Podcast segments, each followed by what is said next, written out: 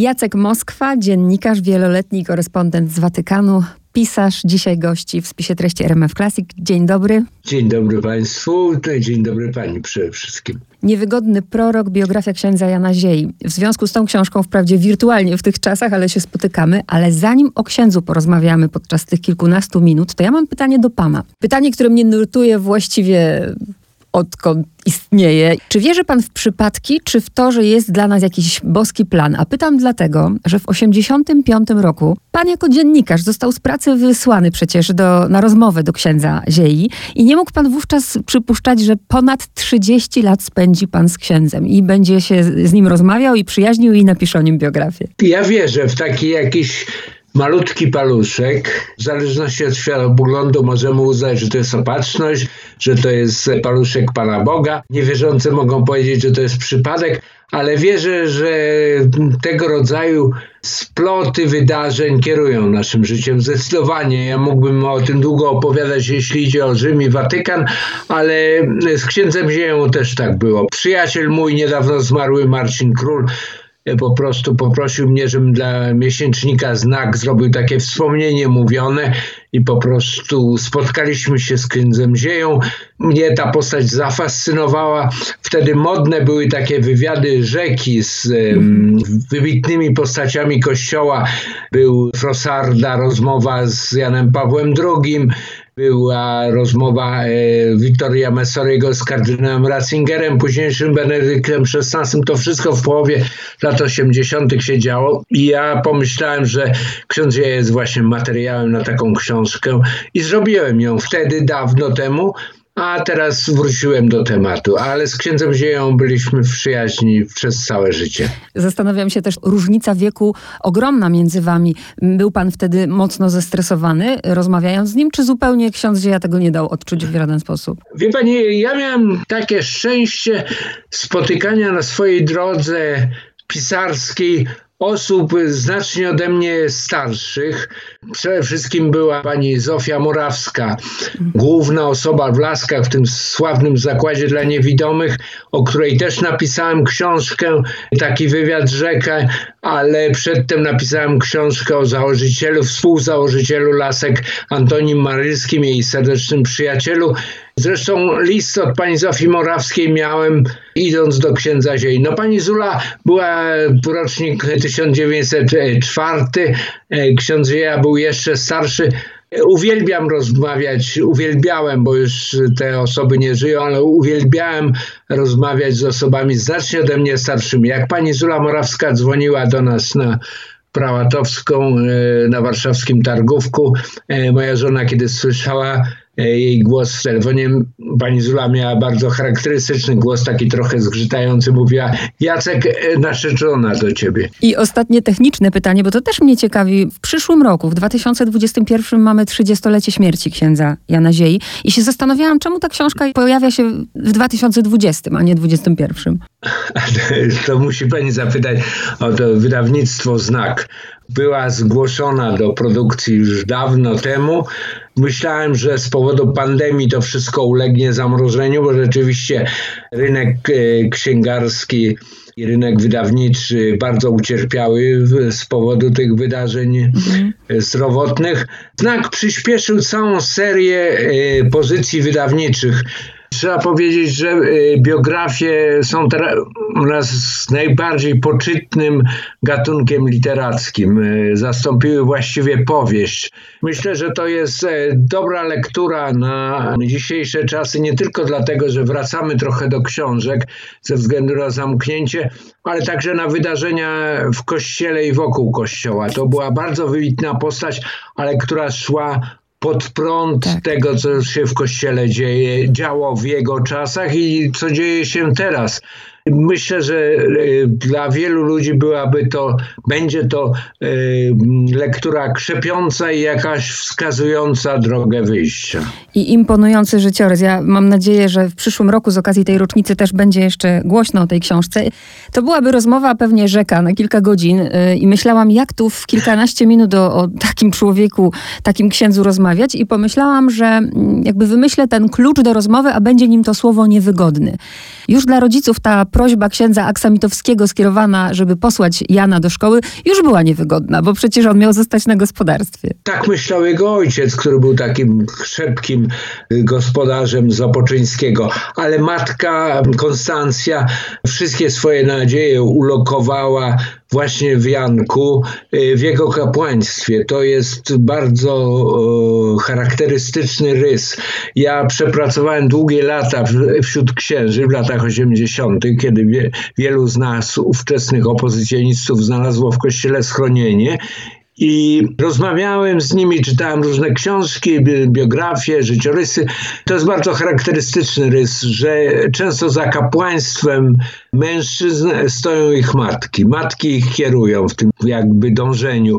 I tak było z Konstancją. Ona była tercjarką franciszkańską u franciszkanów e, w Nowym Mieście nad Pilicą. E, była niepiśmienna, ale Jankowi e, kazała czytać żywot Pana Jezusa -hmm. dla niej i dla kobiet, które zbierały się na modlitwach w ich chałupie we wsi Osse. W pewnym momencie była może trochę zawiedziona tym, jak sobie radzi, ale do tego dojdziemy, bo teraz niewygodny w latach dwudziestych, kiedy ja sobie pomyślę o latach dwudziestych ubiegłego wieku, gdzie w 2020 podejrzewam ksiądz Zieja byłby bardzo niewygodny, jak nie chciałby po prostu e, pieniędzy i nie byłoby jakiegoś tam, nie wiem, określonej kwoty za mszę, a co dopiero w latach dwudziestych? Wie pani, ja myślę, że nie było ani lepiej, ani gorzej niż jest teraz. Ksiądz Zieja opowiadał mi, że w jego seminarium w Sandomierzu większość księży, większość e, studentów, kleryków była nastawiona materialnie. To nie znaczy, że oni byli złymi księżmi, ale po prostu wybierali sobie taki zawód, który miał im zapewnić życie, może nie bardzo dostatnie, ale w każdym razie na odpowiednim poziomie materialnym. Odmowa przyjmowania pieniędzy za posługi religijne była w tych latach skandalem, ale byłaby zapewne także teraz. I była w latach 50., kiedy ksiądz nie mógł dostać parafii w Warszawie od swojego przyjaciela, z którym się zresztą często spierał, kardynała Wyszyńskiego. No, Kościół przybrał formę takiego, wie pani, wielkiego przedsiębiorstwa, które dystrybuuje pewnego rodzaju towary. Jest to nauczanie, sakramenty, prawda, chrzest, y, śluby, pogrzeby. Pobiera za to określone kwoty, no i tak, tak jakoś się to ułożyło. Są pewne ekscesy materialne, z którymi walczy teraz papież Franciszek, jak mhm. jakiś tam kardynał wystawi sobie pałac albo zakupi apartament z pieniędzy przeznaczonych na ofiary, no to go usuwa ze stanu kardynalskiego, ale wszystko mniej więcej tak się toczy. I taki ksiądz ubogi, są księża ubodzy także w innych krajach, jest pewnego rodzaju no, człowiekiem idącym pod prąd. I ksiądz Zieja taki takim był. I mhm. myślę, że teraz kiedy no, słyszymy o księdzu dyrektorze, który tak. jeździ samochodem Maybach, arcybiskup Gdańska sobie wybudował jakieś wspaniałe rezydencje na emeryturę. To wszystko ludzi razi. To wszystko ludzi razi i taki człowiek, y, który stara się naśladować Pana Jezusa, po prostu idzie pod prąd. W Ewangelii, jak pani ją uważnie przeczyta, nie ma ni, ani słowa o aborcji. Natomiast jest bardzo wiele o ubóstwie. To nie znaczy, że księża mają popierać aborcję, mm. ale w każdym razie jest bardzo wiele o ubóstwie, o nieużywaniu przemocy, bo to też bardzo ważny rys y, księdza Ziei. Natomiast o wielu sprawach, do których teraz Kościół przywiązuje taką wagę, w Ewangelii nie ma ani słowa. Mm -hmm. Ja też pomyślałam właśnie, jak czytałam tę biografię, że to jest tak idealna książka e, i historia na ten czas, gdzie teraz, właśnie teraz, w tym roku, e, to co się dzieje, że ludzie masowo przystępują do apostazji, nagle jest biografia takiego księdza, właśnie o jakim my wszyscy marzymy, żeby właśnie taki był, żeby nie robił niczego na pokaz dla siebie i mam na myśli też to, czym się naraził wtedy w latach dwudziestych, bo w latach dwudziestych, ja to podkreślam, pochował samobójczy samobójczynię. Ubiegłego wieku, tak. no bo teraz też mamy tak, lata no tak, no tak, no tak. Także to też, to też było właśnie niewygodne, że pochował samobójczynię. No tak, e, wie pani, to, to, to był jakiś eksces bardzo, bardzo mm, jakiś znaczący w jego biografii, bo ksiądz Żyja doznał z tego powodu, tego pochówku niedoszłej samobójczyni, doznał krzywdy ze strony hierarchii kościelnej,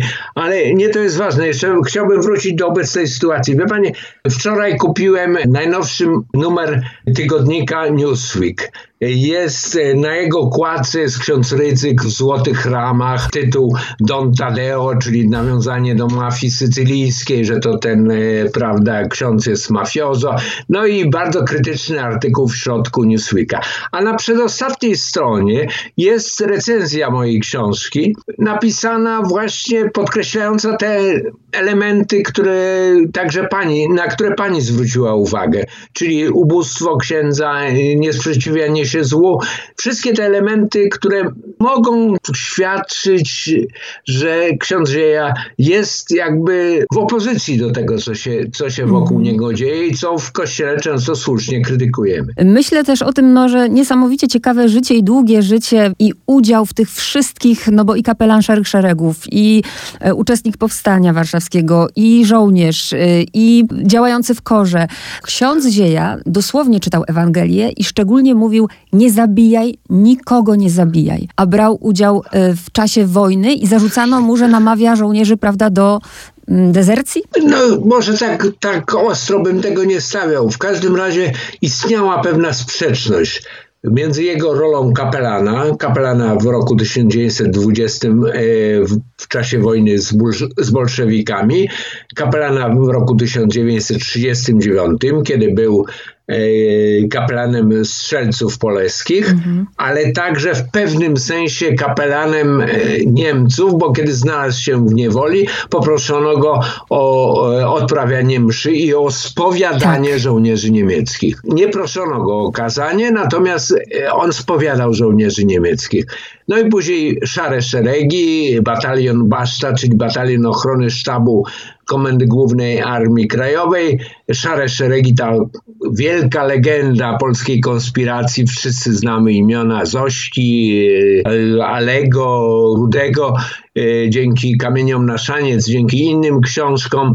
E, powstanie warszawskie, udział w powstaniu warszawskim, potem udział w Komitecie Obrony Robotników, ale wracając do tych wydarzeń wojennych, wielu ludzi, wielu przyjaciół księdza Ziei pytało go, jak on to godził, że jednocześnie był kapelanem wojskowym i jednocześnie tak silnie akcentował bezwzględne obowiązywanie piątego przykazania, mm. nie będziesz zabijał.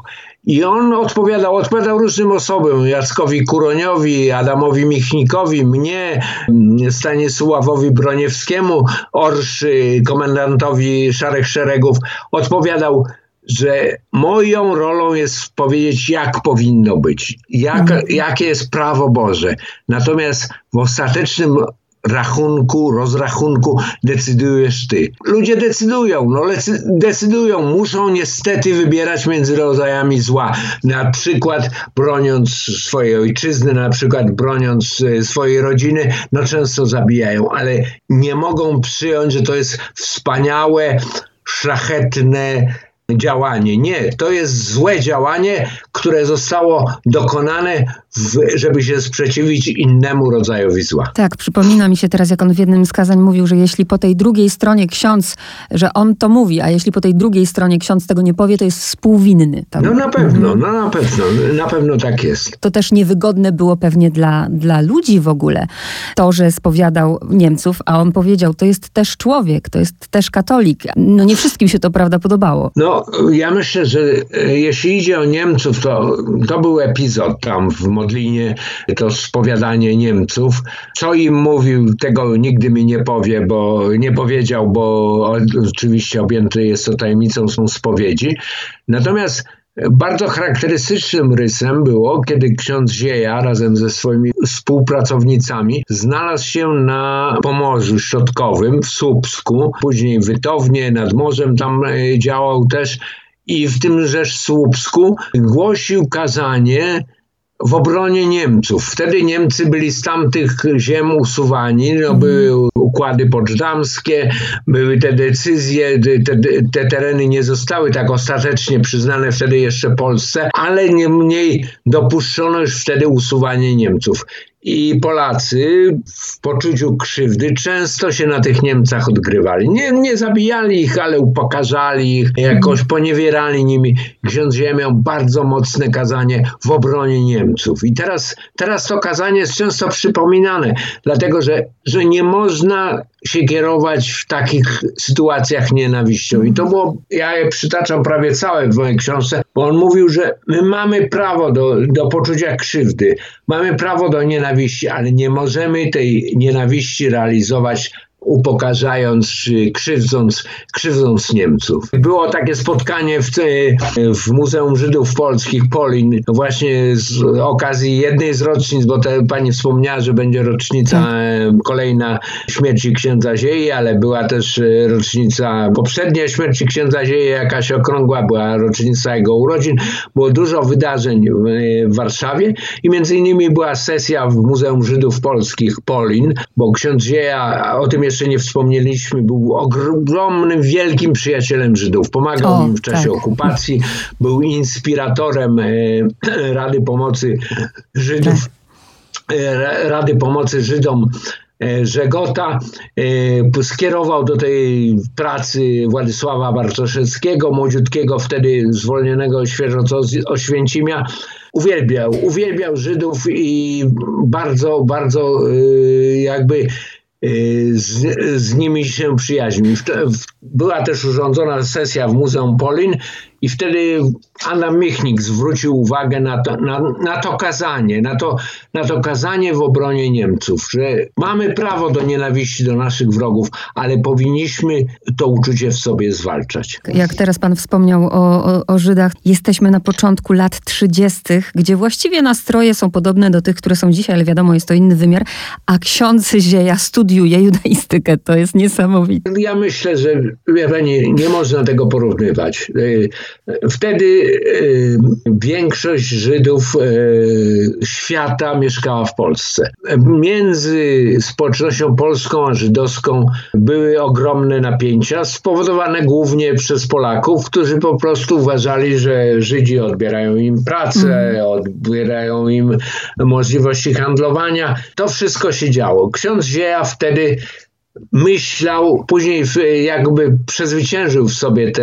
te plany, ale myślał o nawracaniu Żydów i z tego powodu podjął studia judaistyczne u takiego bardzo sławnego historyka Majera Bałabana, który był właściwie pierwszym nowoczesnym historykiem Żydów polskich, ale jednocześnie takim historykiem, który działał i na terenie polskim, i w języku polskim, i w, w, w języku hebrajskim, w języku jidysz.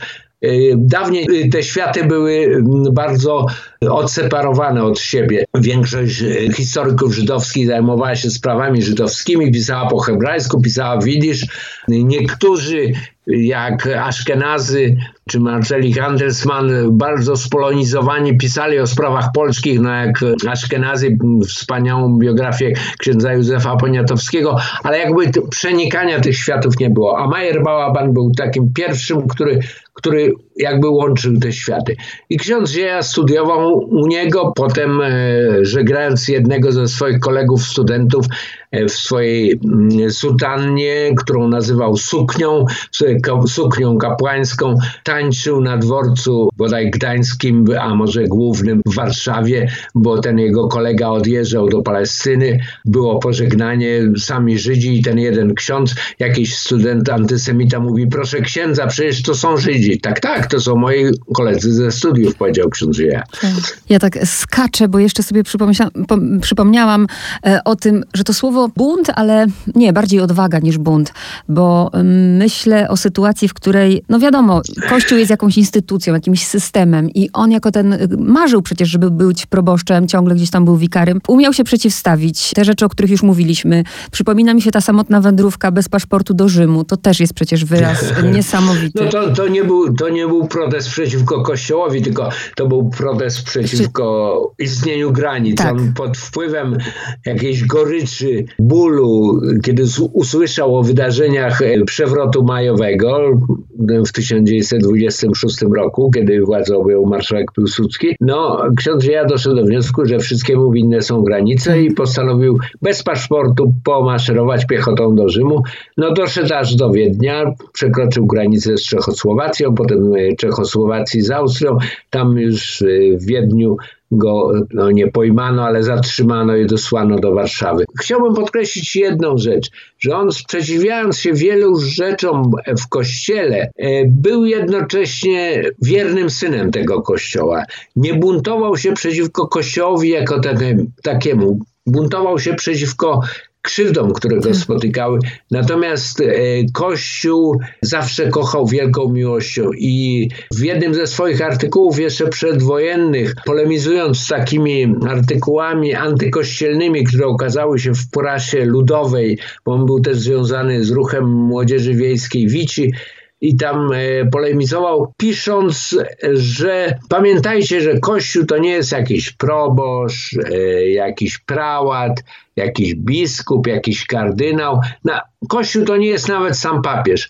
Kościół to jest Jezus Chrystus, który działa w historii. I on zawsze w tych rozmowach z nim o tym Chrystusie mówił, który, że to jest po prostu taka relacja pionowa, wskazywał na go. I ten, ten Chrystus działa w kościele. I dlatego on, podobnie jak święty Franciszek, to był jego wzór. Święty Franciszek przecież nie był nawet księdzem. Dokonał największej reformy wewnątrz kościoła, ta reforma franciszkańska. Buntował się przy, przeciwko temu bogactwu, tak. tej korupcji, jaka była w kościele, ale pozostał wiernym synem Kościoła i tak samo ksiądz Wieja. Jeszcze muszę zahaczyć koniecznie. Ja nie widziałam, ale na pewno obejrzę, bo w tym roku powstał też film. I różne słyszałam opinie, bardzo różne. Jedni twierdzą, że to film taki, może ksiądz Wieja nie byłby zadowolony, że go włożono do takiej szufladki, że to jest bardzo moralizatorski film, taki typowo dydaktyczny.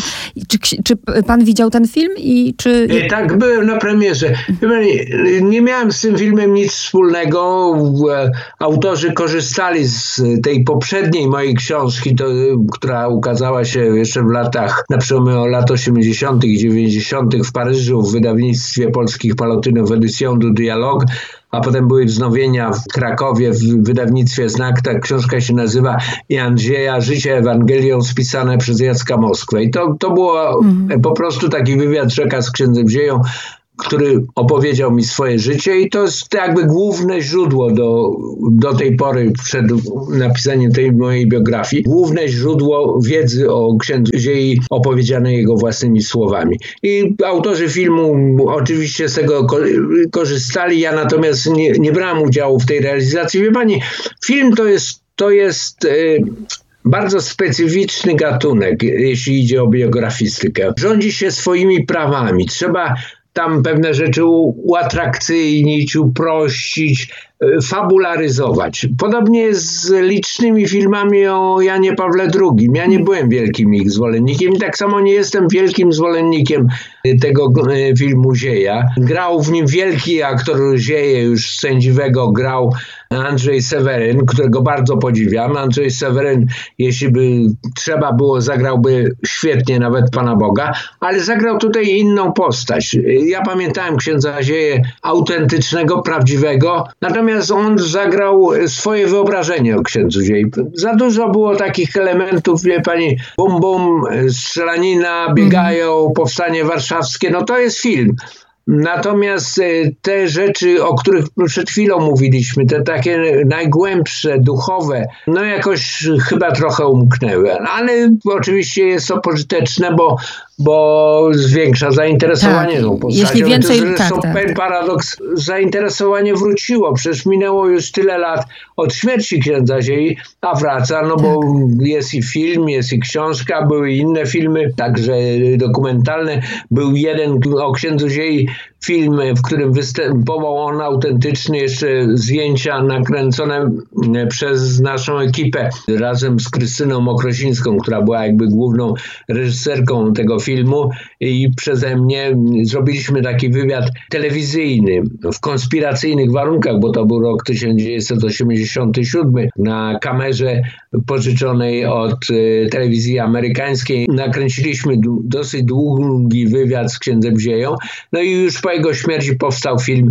w duchu i w prawdzie. To jest właściwie jedyne źródło kiedy tego księdza Zieje można zobaczyć, jak on, jakim on był wspaniałym mm. kaznodzieją, jak ta jego osobowość promieniała, promieniowała. Przypominał tego proroka, tytułowego proroka z długą brodą, rozwianymi włosami, z gorejącymi oczyma, ale jednocześnie to oczy były takie plado niebieskie. Wspaniała postać.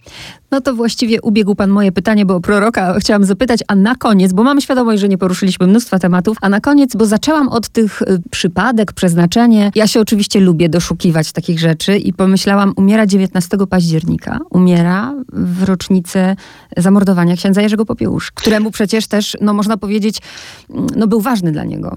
Był ważny na pewno. W jego pokoju było zdjęcie księdza Popiełuszki. Wie pani, jaki związek tych, tych dat, jaki jest, to nie wiemy. Mógł być, a mógł nie być. Zresztą data śmierci księdza Popiełuszki nie jest tak dokładnie znana przecież.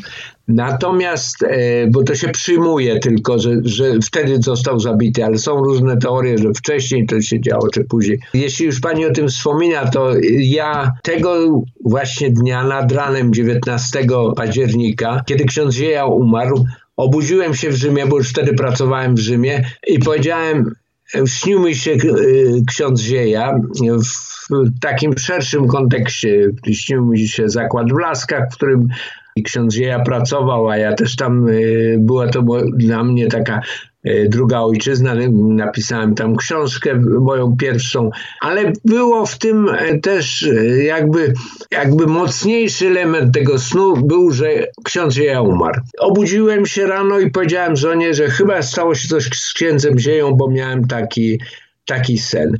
Żona moja powiedziała, wiesz, złe wiadomości szybko przychodzą, jeśli coś się stało, to, to się dowiemy. E, pojechałem do Watykanu, to była sobota, e, tam rozmawiałem z takim księdzem e, Machejkiem, który pracował w kongregacji do spraw świętych. Po polsku to się nazywa Kongregacji Spraw Kanonizacyjnych. I te, też mu o tym opowiadałem. Mówię, mówiłem, że znałem takiego księdza, który znał wiele osób beatyfikowanych, kanonizowanych albo których procesy się toczą. Wróciłem do domu i zobaczyłem e, w perspektywie, otworzywszy drzwi, zobaczyłem w perspektywie pokoi moją żonę, która rozmawia z kimś przez telefon i mówi, że Jacek będzie chciał jechać do, e, do Warszawy, bo właśnie ksiądz Wieja umarł. Była tym wstrząśnięta, a jednocześnie była świadkiem, że, e, że taki sen miałem. Dla mnie to był jakiś taki skromny skromny dowód istnienia świata nadprzyrodzonego, no bo nie można sobie tego wytłumaczyć jakimiś e, takimi normalnymi zjawiskami fizycznymi. Nie ma jakiegoś telegrafu, który zawiadamia o śmierci kogoś bliskiego. Potem, kiedy zakonnica, Urszulanka, która była przy śmierci księdza Ziei, opowiadała mi o okolicznościach jego, jego odejścia, to nawet pewne jakby pewna sytuacja wydała mi się znajoma. Mnie się wyda wydawało, że w tym śnie, że ksiądz ja umarł na moich rękach i ona, ta siostra opowiadała, że go tak podźwignęła na poduszkach i zobaczyła, że on jej się osuwa, że jest bezwładny. Oczywiście jest to bardzo drobny element, ale zamieściłem go w jednej i w drugiej książce. Mm. E, wspominam o tym, bo bardzo to, e, to jest dla mnie znamienne wspomnienie. A jeszcze powiem tak, że jak kręciliśmy film o księdzu Ziei, ten w duchu i w prawdzie, to robiliśmy też wywiad z Stanisławem Broniewskim, Orszą. Wspaniała postać, komendant Szarych Szeregów, mieszkał na Mokotowie. Pojechaliśmy tam z ekipą, to już było po śmierci księdza Ziei. No i w trakcie tych zdjęć ja opowiedziałem to wszystko, co przed chwilą pani powiedziałem, a on jakby tak e, przeszedł nad tym do porządku dziennego, w ogóle nie zwrócił uwagi na tą moją opowieść. Ja nawet jakoś zdziwiłem się tym lekko. Potem ekipa poszła, skończyliśmy te zdjęcia. Ja jeszcze przez chwilę zostałem i rozmawiam. E, pan e, Broniewski prowadzi mnie do drzwi wyjściowych i mówi, e, panie Jacku, pan się zapewne zdziwił, że ja tak e, nie zareagowałem na pańską opowieść, ale mnie się zrobiło tak strasznie przykro, że to nie on mnie, że, że to nie mnie on zawiadomił. A ostatnie pytanie, chociaż trudne podejrzewam, czy w ogóle umie pan jakby znaleźć w swojej głowie takie słowa, które gdzieś idą z, z panem przez całe życie, które wypowiadał ksiądz Zieja, to, bo wiem, że on mówił, żegnał się zawsze, idziemy do Boga, ale czy ma pan jakieś takie swoje sformułowanie słowa, które gdzieś tam z panem jest? Ja myślę, myślę, że to idziemy, idziemy do Boga, to było, to było jakby charakterystyczne, nie jest ono mo, moją własnością, ale, ale chyba to by było tak, takim, takim wspomnieniem, bo to było jakby ostatnie słowa, które od niego, od niego usłyszałem. Właśnie idziemy do Boga. I tak dotknął mnie w ciemny korytarzyk, on dotknął mnie y, mojej ręki, swoją ręką, ta ręka taka zimna i powiedział, idziemy do Boga. I, i, to, i to, ale to wszyscy, to właśnie wszyscy, i ten Stanisław Broniewski, i siostry Uszlanki, które były dla niego jak córki. One pracowały razem z nim na, na Polesiu, tam matka Leduchowska prowadziła takie misje. To idziemy do Boga to jest chyba e, bardzo, bardzo charakterystyczne. Jacek Moskwa był gościem spisu treści RMF Classic. Bardzo panu dziękuję. To ja dziękuję.